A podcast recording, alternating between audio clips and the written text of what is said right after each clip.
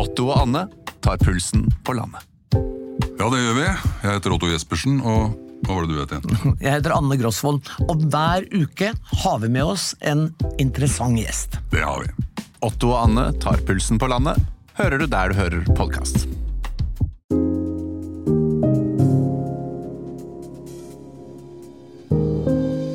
Fredrik og Kadafi, en podkast fra TV 2. Ok, gutter, vær så god. Tenk deg det, Kadafi, hvis du plutselig en dag eh, forstår at du er eh, født i feil kropp. Oi, det hørtes jo faktisk litt spennende ut. ja, men jeg tror det er ganske komplisert da, for de som plutselig får den følelsen av at de ikke er det alle rundt de tror de er. Hva gjør man da? Nei, jeg vet ikke. Da tror jeg man må ta en alvorsprat med i hvert fall de aller nærmeste. Ja, Og seg sjøl. Kristine Marie Jentoft, velkommen. Takk skal du ha. Bruker du Marie? Nei, bare si Kristine, du. Ja. Det er det du kaller deg selv? Ja. Ja. Det er Sjølvalgt og sjøldeklarert, holdt Ja. jeg på å si. Og så tatt et navn for mye, til og med. Ja, du, du har det? Ja. Hva er historien bak navnet? Nei, du, det går Det er rett og slett fordi det er familiært. Eh, familien stammer liksom fra Lofoten fra sånn 1400-1500-tallet, når vi kom til Norge på den tida, og dreiv liksom kjerka oppi der. Fra Fra Danmark. Så reiste ikke så langt. Kom fra Gentofte i Danmark. Okay, Og så dro opp dit og dreiv liksom eh, kjerke oppi der, da. Så da er det litt sånn gammelkristelige kår å ivareta det når jeg endra navn. Og så eh, tenk, syntes jeg liksom bare hete Kristine var litt kjedelig. Eh, så for å være sykt sexy, så tok jeg da også mellomnavnet Marie i tillegg. Som var like kjedelig. Så istedenfor å velge noe litt mer spennende når man først har muligheten. Så, Ja. Men nå er det liksom Det, det, det sitter. Hva tror du disse gamle kristne hadde sagt til deg i dag, da? Det tror jeg spørs litt på hvem av dem Ja. hva man sikter til. Jeg tror det ville vært Hvis vi går så langt tilbake i tid, så tror jeg de ville trengt en ganske lang leksjon først i hva de gikk i. Og vi har jo ikke så mange eksempler på personer som meg, altså personer eh, som er transkjønna eh, fra den tida, men noen eksempler er det.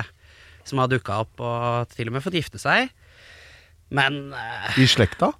Nei, ikke min slekt. Det, vi, holdt jeg på å si, vi drev ikke med sånt. Vi var på ei lita øy ute på Lofoten. Så da, da var det så vidt. Uh, vidt, man fikk, vidt man fikk bli boende hvis man bare snakka litt rart, holdt jeg på å si. Nei da, så jeg tror nok ikke det ville vært så superakseptert. Men uh, jeg levde ikke da, tror ikke jeg skal spekulere for mye i mine forfedres greier. Men det er ikke, jeg har sett slektstreet, det er ikke så mye skeivt i det når man går bakover i tiden. Det er rett, rette grener. Og der er det ganske streite snorer jevnt over. Men det er, det er bra, da, kanskje, og sunt for slekta at eh, det kommer, eh, kommer en liten knekk. eh, Eller et et regnbuefarget får, om Ja. du vil. Du, fortell nå, før vi liksom skal diskutere, forklare hva Hvem er du? Altså, mm. er du Du er kvinne. Ja, Ja. sist jeg sjekka. Ja. Det er I hvert fall det passet sier nå. eh, endelig. Nei da. Uh, jeg er 35 år gammel, er fra Lørenskog, bor i Bærum. Uh, har et barn på 12 og et halvt år. Og levde mine første 20 år som det samfunnet oppfatta som en mann. Og For du er født gutt. Ja, så jeg ble registrert gutt ved fødsel, ja. Jeg ble født ba baby, Ja. pleier jeg å si. Og du hadde tiss. Ja, altså pleier du ofte å spørre folk om underlivet deres. Gaddafi? Ja, ja, altså, jo, jo, altså bare for å avklare for oss og lytterne. På en måte ble du Hvordan var du ved fødsel, holdt jeg på å si? Jeg aner ikke, det er ikke så mye bilder fra det. Nei. Nei. Men nei da, altså det, det er jo en grunn til at man blir registrert som et kjønn ved fødsel, og det er jo fordi at når du blir født, så ser en lege mellom beina dine og sier ja, dette er en gutt, Mm. og så registrerer kjønn deretter. Men jeg pleier ikke så ofte å snakke om hva jeg har eller har hatt i buksa, Nei. sånn jevnt over, for jeg har dessverre ingen planer om å gå på date med deg, eh, for da blir dama sjalu. Ja. Det, det, er, det, er, er flere ting som er i veien for det. Ja, det er noen elementer i veien her. Men Så- møter du dette ofte? Altså Skjønner du at uh, folk spør, eller er det jeg skjønner at folk spør, men det er også samtidig en litt sånn rar mekanisme inni oss som gjør at vi tror det er egentlig ok å spørre munnlivet til folk. Ja. For det er ikke egentlig en naturlig ting å gjøre, med mindre man har tenkt å gå ned i faktisk komme i buksa på dem. ja. Eh, men så er det noe med at så fort det er snakk om eh, sånne normbrudd, da, som er det å være en transperson, så, så faller liksom den sperra ut for å spørre. Og da blir liksom nysgjerrigheta tar litt over. Og så er det selvfølgelig ok å være nysgjerrig. Det er mer positivt enn en Du forstår jo nysgjerrigheten. Jeg er jo nysgjerrig som rakkeren sjøl. Ja. Så fort jeg ser noe jeg ikke forstår, så vil jeg vite hvorfor dette skjer, og hvordan det er sånn. Eh, og så er det hvordan man håndterer da responsen på at jeg snakker ikke om underlivet mitt. Det er, den, det, det er der du ser hvem som er ok å fortsette å prate med, Ja. og hvem som ikke er. Så nå skal du snakke med meg og ikke med Kadafi? Ja, jeg syns han tok eh, kommentaren ganske bra i retur. Men du, du, de første 20 årene, men hva skjedde da etter eh, de første 20 årene? Du, det var Jeg hadde hatt et par forsøk på å prøve å komme ut som det, men det var jo ikke sånn at det var mye informasjon da jeg vokste opp om det å være trans. Eh, Det sto så vidt i en av skolebøkene, husker jeg, at det finnes noen folk som opplever Nei, som hva er det, som er transseksuelle, og så var det bare punktum omtrent, og så snakka vi ikke noe mer om det. Så og når du da begynner å google den informasjonen, du begynner å eh, skrive inn ting, så dukker det stort sett opp eh, fra den tida primært ukebladsaker om sånn Trond lever som Kari i helga, hvordan syns kona Gjertrud det er? Eller pornografi. Eh, og ukebladsaker og pornografi er kanskje ikke de beste rettesnorene for hvordan leve sitt eget liv. Så det måtte jeg liksom finne ut av ved å prøve og feile et par ganger, ved å prøve å komme ut. Og så var jeg også eh, Oppveksten i Lørenskog var også prega av ganske mye homofobi, så jeg var veldig redd for å komme ut til de kompisene jeg hadde, og til det miljøet. Som gjorde at eh, jeg prøvde å si det til én person, en venninne av meg, og så hadde hun en litt ugrei reaksjon. Så da gikk jeg rett inn i skapet igjen, og da var jeg 16 første gang jeg prøvde å komme ut. Hva, hva sa hun, da? Nei, hun mente jo Hun hadde jo heller ikke noe forståelse av begrepet om dette. Eh, hun syntes jo det var spennende at jeg skulle nå være sånn homofil. Sånn Som homofil? ja. ja, sånn homofil. Og hun har alltid ønska seg en homo bestevenn. Ja. Men så var liksom Den glippen der var, tok hun ikke helt, for jeg likte fortsatt damer. Ja. Så det, det hadde liksom ikke endra på seg. Eh, så hun bare tolka fordi jeg var kanskje interessert i å leve som kvinne. Så tenkte hun da må jeg være homo. For det var hennes forståelse og kunnskapsnivå. Ikke sant? For hun hadde jo heller ikke hatt noe på skolen om det her. Eh, så, så, og så var hun sånn der Å, du må komme ut, og så må du begynne å gå sånn og se sånn ut og oppføre deg sånn. Og da ble jeg veldig redd. For det, alt hun nevnte der, er en sånn sikker suksessoppskrift for hvordan få juling i Lørenskog da jeg vokste opp. Så jeg var ikke så gira på. Så datt jeg tilbake i skapet. Var, uh, falt så langt inn at jeg egentlig fant julegaver og Narnia og alt som finnes i skap. Uh, men ikke mors kåper. Uh, nei. Å, Men hvordan var det opp mot foreldrene og familien? Snakka du med de om det? Overhodet ikke før den dagen jeg sto fram for faderen ganske mye da jeg var 20, da. Ish.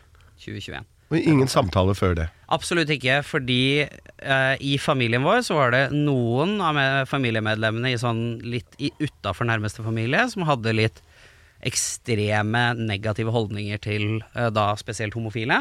Eh, og så var det liksom stort sett et ikke-tema hjemme hos oss, eller at det var nærmeste vi kom, var at fattern kanskje hadde sett en episode Homsepatruljen. Det, det var forståelsesevnen. Eh, så, så jeg følte ikke at dette var nødvendigvis så lurt, og jeg var veldig redd for at hvis jeg sier ifra om hvem jeg er og hva jeg ønsker for mitt liv, så vil jeg bli kasta ut. Og ikke ha noe sted å være, og ikke ha noen til å være glad i meg mer. Og det er en ting man er ofte veldig redd for uh, når man er skeiv og må ut. Så fordi det er en ting som faktisk skjer med ganske mange skeive eh, i Norge. Uh, Hvordan var reaksjonene? Nei, når jeg endelig kom ut, og det er egentlig en ganske gøy historie eh, Når jeg endelig kommer ut til faderen, og så er det nå for kontekst litt viktig å ha, ta med at faderen er litt sånn konservativ admdir-type eh, fra bilindustrien. Så jeg måtte jo omtrent booke meg et møte på mail for å få muligheten til å møte han, for dette var etter jeg hadde flytta ut. Hæ? Med, via sekretæren? Ja, omtrent, altså. Men det var liksom sånn Kjære far, jeg ønsker et møte med deg i din kjeller på hu huset ditt i Lørenskog. Kan vi ta det f.eks. tirsdag klokken 17? Eh, og så svarer han liksom med Ja, kjære sønn, det passer fint. Eh, vi ses. Eh, god helg. Og så møtes vi, og så, og så er jeg liksom jeg, jeg er så sykt nervøs. Jeg har kasta opp alle disse tingene som holdt jeg på å si følger med i gåsehudene. Det er sånn pakkedeal når du kommer ut. Eh, og så eh, setter jeg meg liksom ned, og vi er i kjelleren, og det er bare meg og han. Og så sier jeg liksom til han sånn Pappa, dette er noe jeg har trengt å si siden jeg var sånn type fire. Men jeg skulle gjerne ønske at jeg kunne leve som kvinne, og jeg, det er det jeg vil gjøre nå. Og jeg vil at du skal kalle meg Kristine. Og du kan liksom se på han at dette ble, var ikke den nyheten han forventa. Jeg tror kanskje han forventa at jeg skulle si at samboeren min var gravid, eller at eh, ta opp noe annet, eller at jeg plutselig hadde fått en sykdom. Så han blir litt tatt tilbake, og så er han sånn Ja. Ja, ok. Mm. Ja. Ja. Ikke sant.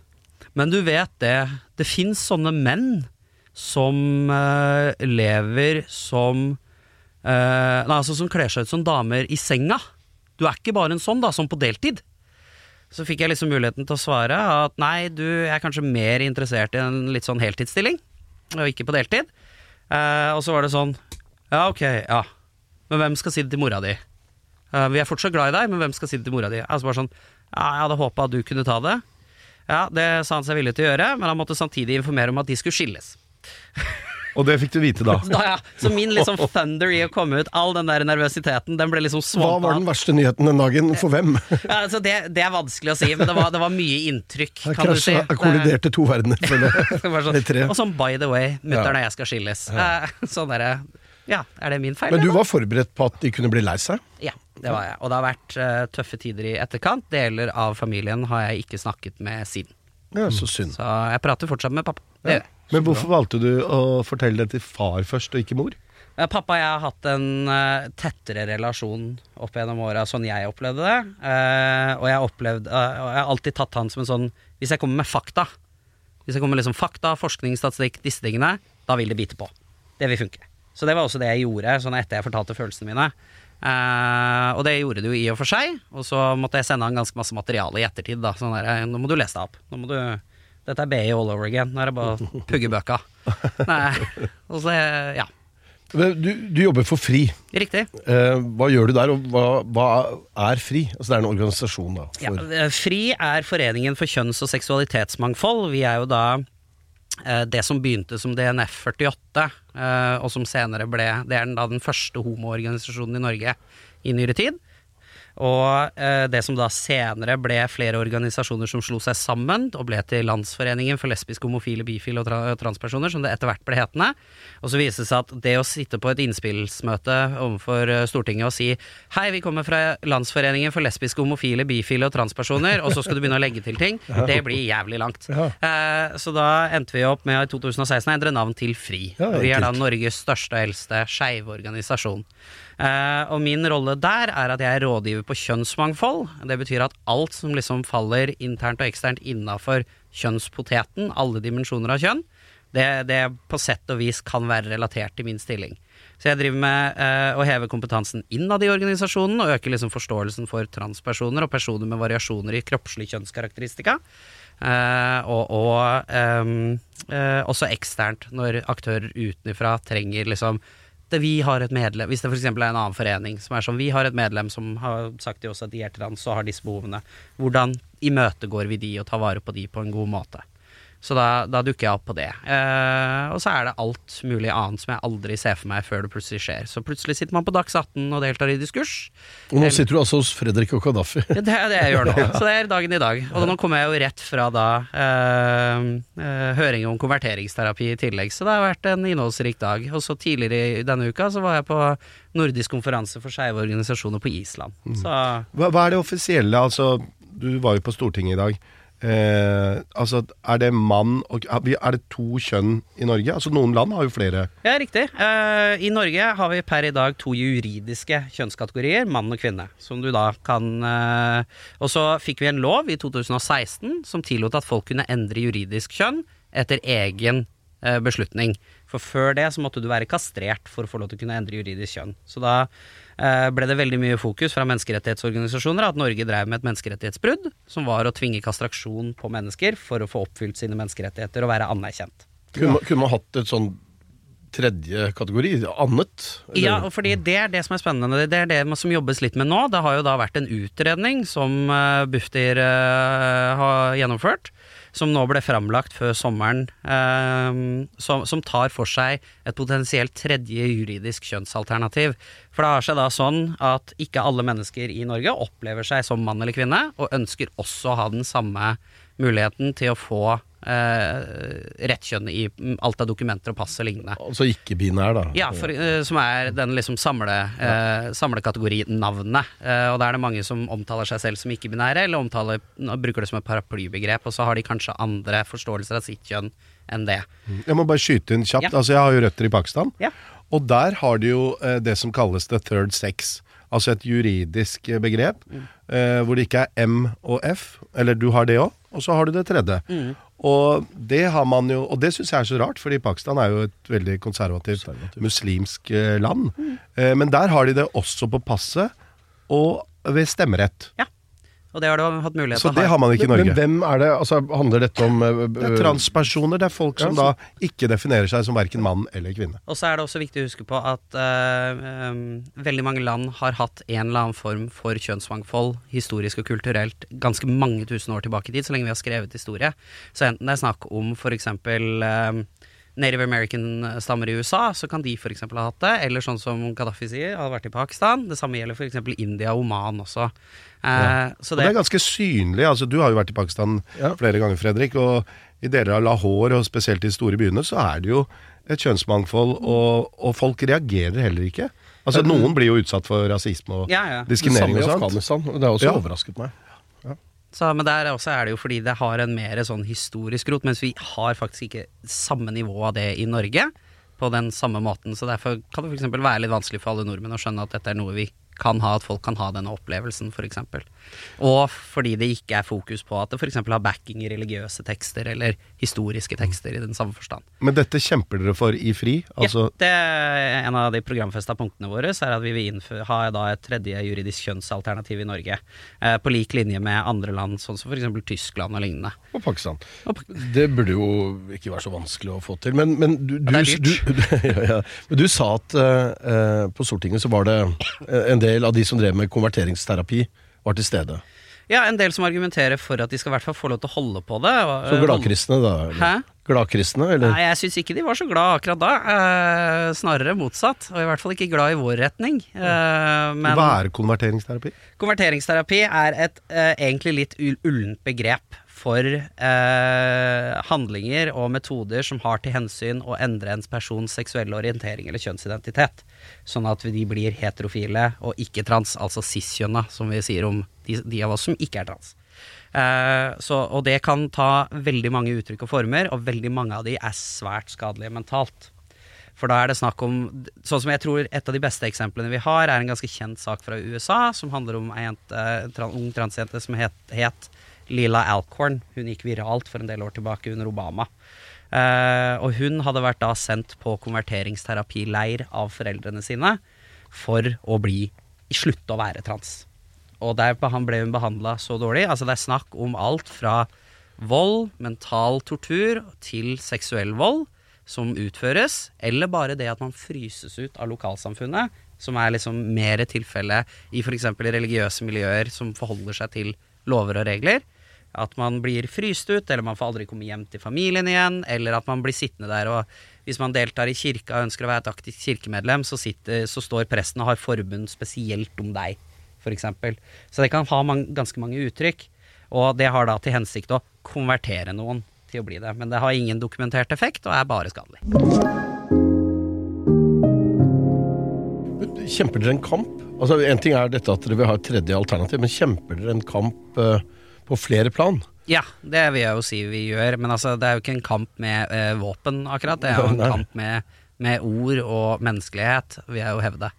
Um, og det er jo fordi det har vært eh, tilfelle, og er tilfelle ennå, at skeive har eh, dårligere levekår. eh, mangler rettigheter, i, både i Norge og i andre land. Og eh, har hatt Hvilke rettigheter da, eksempel? ja, F.eks. dette tredje juridiske kjønnet. Da. Ja. Eller f.eks.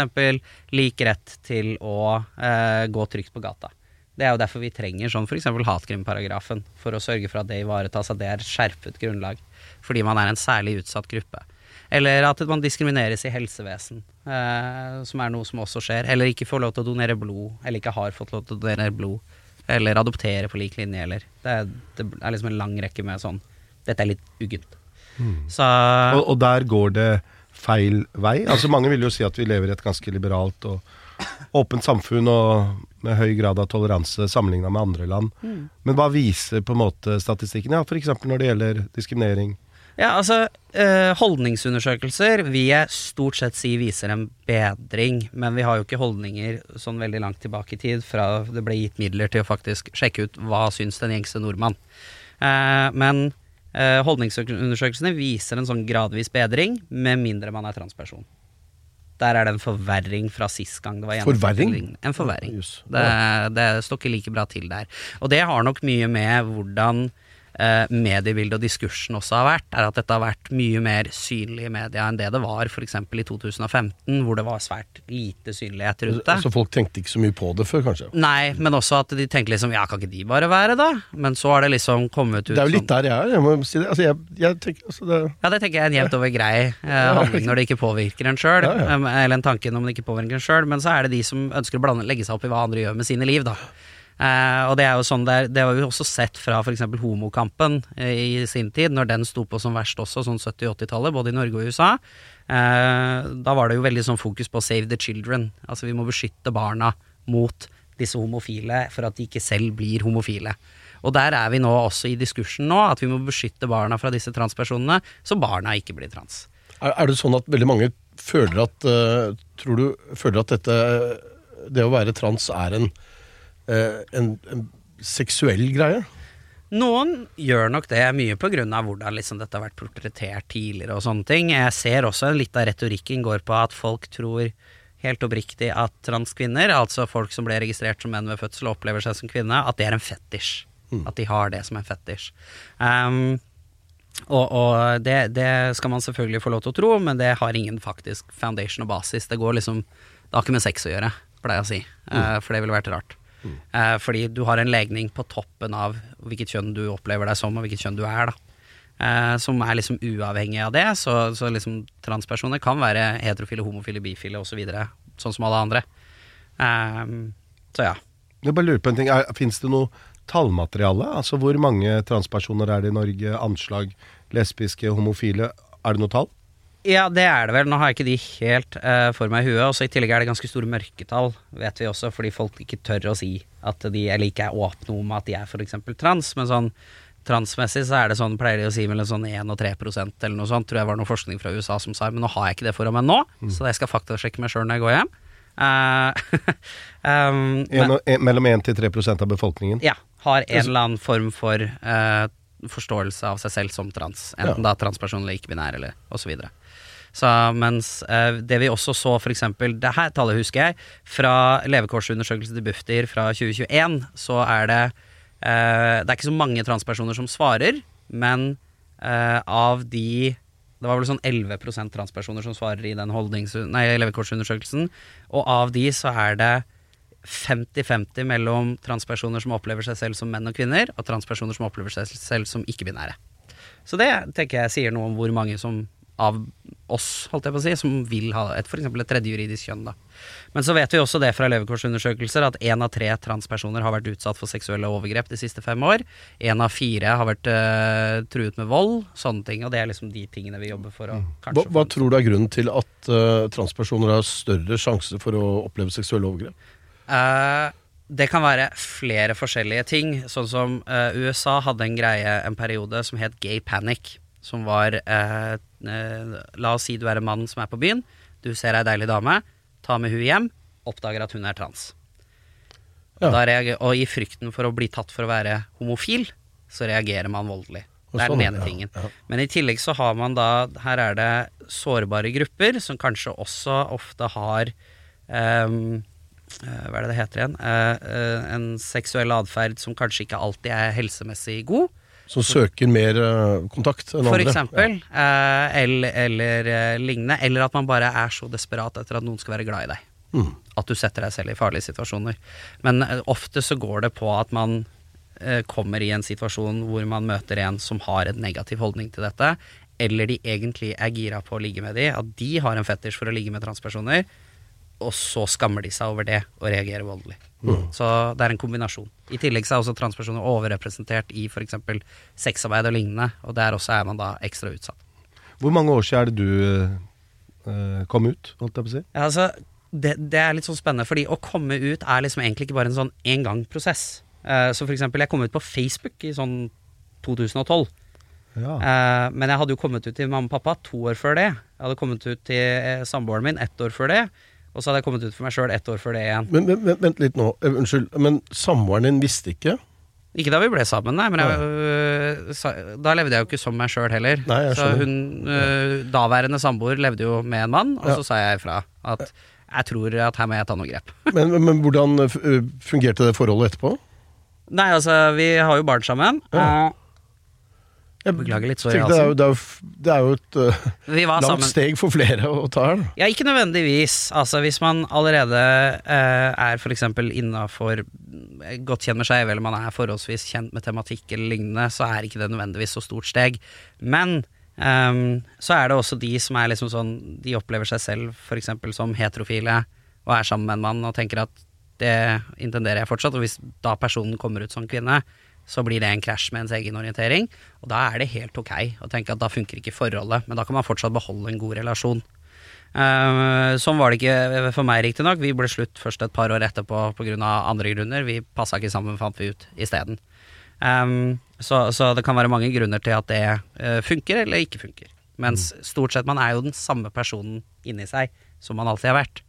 Jeg begynte plutselig ikke å ha masse andre interesser som jeg aldri hadde hatt, eller jeg var fortsatt liksom gira på de samme tingene. Men du endret uh, det ytre Ja, altså, ja, altså jeg, eh, mottok kjønnsbekreftende behandling, som det heter. Det ville jeg jo selvfølgelig ha, fordi mange transpersoner opplever det som heter kjønnsdysfori, som er et ubehag til de kjønnede delene av kroppen sin. Og det er de man ønsker da å, å endre på på vis, for å dempe den dysforien, så man kan leve et bedre liv med seg sjøl i sin egen kropp. For man skal liksom bo i denne kroppen, helst en eh, 70-80-90 år, og da er det greit at den eh, reflekterer den man er på innsida. Ja. Men hvordan var det, altså, etter at du kom ut da, i disse forskjellige fasene, og til forskjellige folk, dra tilbake til Lørenskog. Hvordan var responsen, eller hvordan er den? Jeg har, jeg skal ærlig innrømme, jeg har ikke så mye kontakt med gamlegjengen fra Lørenskog uh, den dag i dag. Uh, de reagerte veldig forskjellig når jeg kom ut. Men det jeg også hadde gjort, som funka veldig bra, var at jeg hadde lagd meg en ny Facebook-profil.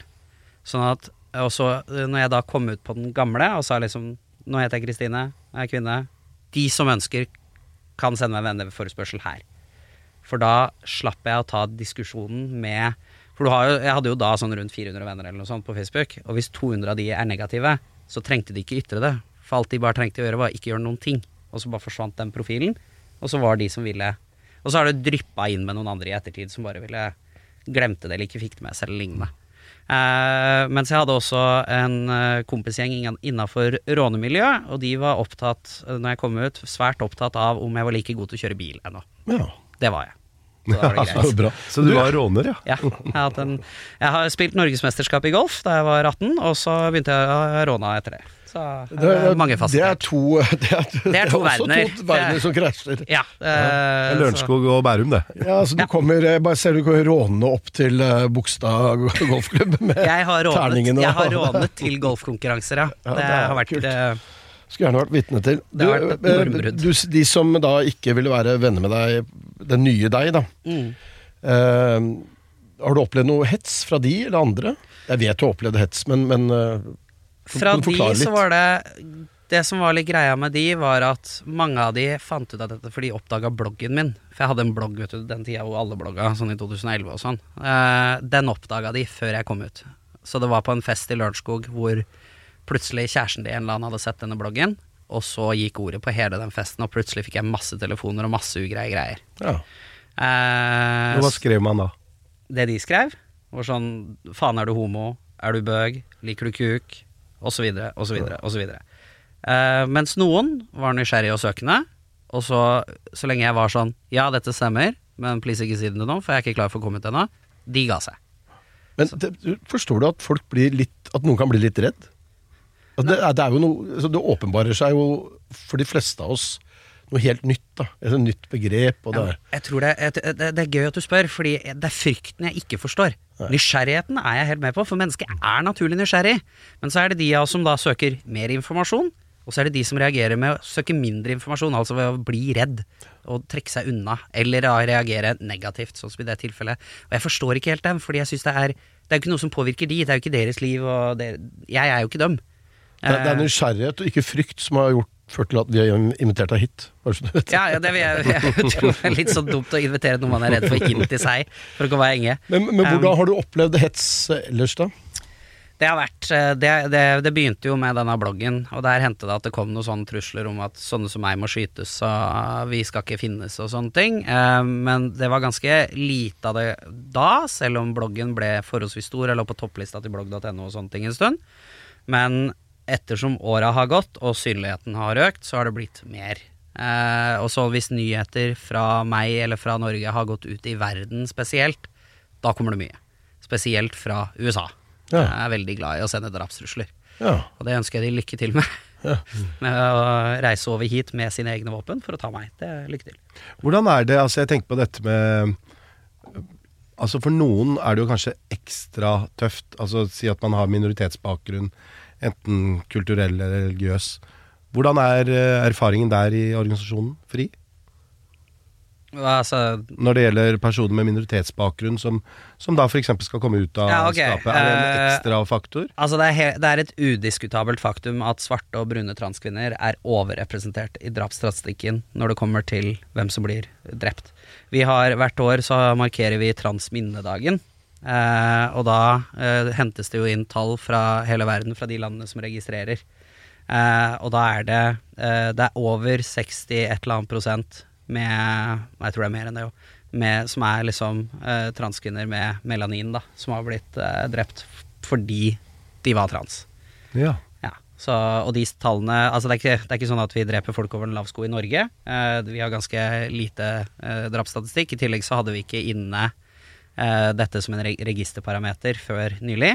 Men um, det er primært av USA, Brasil og Mexico som troner den lista. ja. Du blir sint eller forbanna eller lei deg når noen kaller deg mann. Ja. Insisterer på at du er mann. Jeg syns det er en teit ting å gjøre. Altså, jeg blir, jeg blir, altså Alle tror jeg blir sint. Altså Ikke du, men alle på internett tror jeg blir sint hele tiden. Nå har jeg også blitt kalt mann på TV, på direktesendt TV, og har tålt det helt greit. Så det er ikke det, altså Hvis jeg skulle blitt sint hver gang noen kalte meg mann, så hadde jeg eksplodert for sånn ti år siden. Da hadde jeg vært 1000 fillebiter, eller vært i dyp psykiatri, liksom. Eh, men eh, Men, men det som gjør deg sint, da, er hvis Eller det som kan Det som er forulempende, er hvis det er folk som Altså, mange vil jo mot bedre viten bare kalle deg mann, ikke sant? Ja, ja, men så lenge de tar korreks, så går det helt fint. Og den gjøres gjerne sånn Du gidder du å bruke dette pronomen, eller eh, omtale meg som kvinne? Så de aller, aller fleste er sånn Å ja, faen, sorry. Og så bare stopper det der. Det er seff innafor. Men det er liksom eh, Når det er en negativ intensjon med det, eller eh, man insisterer på å fortsette å gjøre det, da kan du ikke forvente at jeg orker å fortsette samtalen. Ingen gidder å prate med noen som aktivt ikke respekterer deg, eller ikke snakker bra til deg, eller er bare nedlatende, liksom. Men hvem er de folka? Hvem er det som gjør det? Kaller deg mann? Det er en bred gruppe. Det er alt fra folk i det skeive miljøet til folket i det heterofile miljøet, og folk i religiøse miljøer. Så det er en sånn god blanding av litt sånn hitti og pitti. Men forstår du eh, den motstanden som mange i samfunnet har mot medisinsk endring av kjønn? Egentlig ikke, for det påvirker ikke dem selv. Og spesielt når vi da snakker om voksne mennesker, så skal de ha autonomien, og så lenge de er samtykkekompetente til å ta gode valg for seg sjøl. Og så må det selvfølgelig være sånn at man skal få god faglig informasjon av helsepersonell om hva dette vil gjøre med kroppen din. Og så kan det være sånn at man tenker at dette er noe jeg definitivt vil ha, både de positive og negative bieffektene. F.eks. hvis det er sånn at dette vil føre til mer brystvekst. Så er det sånn Yes, det var kanskje det jeg håpa på. Eller eh, dette vil føre til at du ikke har den typen underliv lenger. Så er det bare sånn Yes, det var også poenget med det, faktisk. Eh, og, og, og hvis det liksom er tilfellet, om man har fått god informasjon, så ser jeg ikke helt poenget med at folk skal legge seg opp i hva andre gjør med sin egen kropp. For man skal liksom ha autonomien sjøl. Men, men dette er jo ikke reversibelt, da, eh, ofte. Så det, det er jo viktig at man er helt sikker på at dette er, ikke er noe man kommer til å angre på på et eller annet tidspunkt. Ja, altså Noe av det er jo selvfølgelig reversibelt også, eh, og vi snakker ikke like mye om det eh, i den offentlige diskursen, merker jeg meg, men sånn som eksempel kirurgi er jo ikke reversibelt, Eh, og det er fett nok. Eh, og nå er ikke det noe folk sprinter til for å gjøre, ei heller så er det alle som ønsker det heller, og det er også viktig, fordi vi, tidligere har vi hatt et standardisert behandlingsløp i Norge, eh, mens man ønsker heller et individualisert et, sånn at folk kan få laveste effektive omsorgsnivå, Leon-prinsippet. Men dette er gratis. Dette betaler det offentlige. Noe, noe av det, eh, for noen. Det er en 50% avvisningsrate på denne offentlige behandlingen i Norge, så resten går privat. Hva er grunnen selv. til eh, avvisning? Det må du ta, spørre Rikshospitalet om. Ja, men de begrunner det vel? På, de har vel en begrunnelse? Ja, de, de har en del begrunnelser i form av at de ikke opplever det Altså De er redd for at det ikke vedvarer, eller at man er ikke-binær, for det gir de ikke behandling til. Det er mange grunner, eh, og den tror jeg de skal få svare på sjøl. For det er en merksnodig høy eh, avvisningsrate, spesielt i, i et system hvor man ikke har en second opinion-mulighet, for det har vi ikke i Norge. Så da, hvis du avvises behandling, så må du gå og ordne det sjøl privat. Og da går du til en privat utreder som utreder deg først, og så kanskje inkluderer en endokrinolog til å hjelpe deg. Og så skriver de kanskje ut hormonbehandling, hvis det er det du ønsker. Eller henviser videre til kirurgi. Og det er jo da etter at man er sikker på at dette er en person som har ønsket dette, at ønsket har vært vedvarende en god, god stund. Det er ikke noe sånn Altså, det er vanskelig å få dette som et innfall i fylla på en fredag, og så stikke lørdag til en sexolog og si åh, nå vil jeg klippe av nedentil. Ja. Eh, det Det er ikke helt ikke. sånn det funker. I tillegg så er det også, spesielt for de som går privat, så er det en økonomisk greie det hele. Altså et, uh, hvis du ønsker et kirurgisk inngrep, la oss si du vil dra til Thailand, som har ganske gode meritter når det kommer til nedre kirurgi på transkvinner, så er det fort et par hundre tusen. Og det er ikke, det er ikke så mange som bare har det liggende og kikke. Uh, og i tillegg så får du ikke det uten å ha vært f.eks. på hormonbehandling en stund. For det har de som sånn krav fra kirurgens side, da. Må ha vært to år på behandling før de kan motta dette. Liksom. Ja. Kristine Jentoft, takk for at du kom til oss. Takk for at jeg fikk være. Det var hyggelig. Her i studio satt Kadafi Saman og Fredrik Resvik, teknisk produsent Mikael Skorbakk, redaksjonsleder Niklas Lysvåg og redaktør Karanne Solbrekke.